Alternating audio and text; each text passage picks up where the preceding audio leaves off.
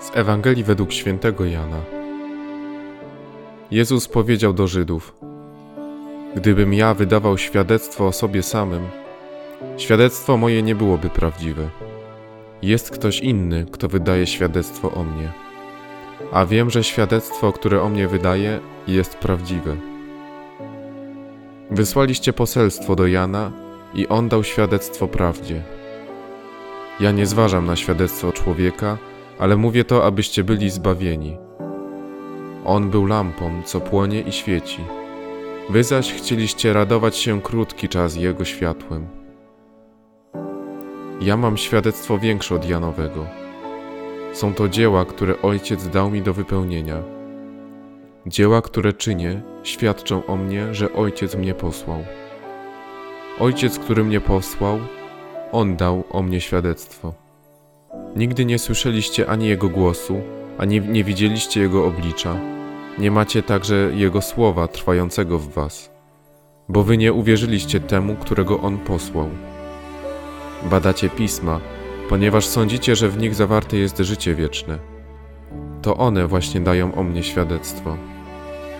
A przecież nie chcecie przyjść do mnie, aby mieć życie. Nie odbieram chwały od ludzi, ale poznałem was, że nie macie w sobie miłości Boga. Przyszedłem w imieniu Ojca mego, a nie przyjęliście mnie. Gdyby jednak przybył ktoś inny we własnym imieniu, to przyjęlibyście go. Jak możecie uwierzyć, skoro od siebie wzajemnie odbieracie chwałę, a nie szukacie chwały, która pochodzi od samego Boga? Nie sądźcie jednak, że to ja was oskarżę przed Ojcem. Waszym oskarżycielem jest Mojżesz, w którym wy pokładacie nadzieję. Gdybyście jednak wierzyli Mojżeszowi, to i mnie wierzylibyście. O mnie bowiem on pisał. Jeżeli jednak jego pismom nie wierzycie, jakżeż moim słowom będziecie wierzyli? Nie wierzę w Jezusa i wydaje mi się, że wielu z nas w niego nie wierzy. Nie chodzi tu o prowokację czy skandal. Słucham tylko tego, co Chrystus mówi przez dzisiejszą Ewangelię. Żydzi mieli podstawy do przyjęcia Jezusa. Przecież w Starym Testamencie nie brakuje zapowiedzi i proroctw, które chrześcijanie wiążą z osobą Chrystusa.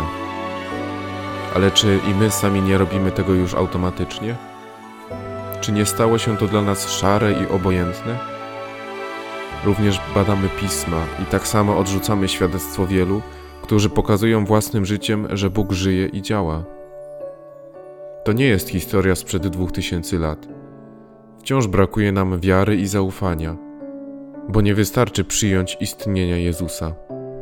Trzeba uwierzyć w Niego, ale jeszcze bardziej Jemu uwierzyć.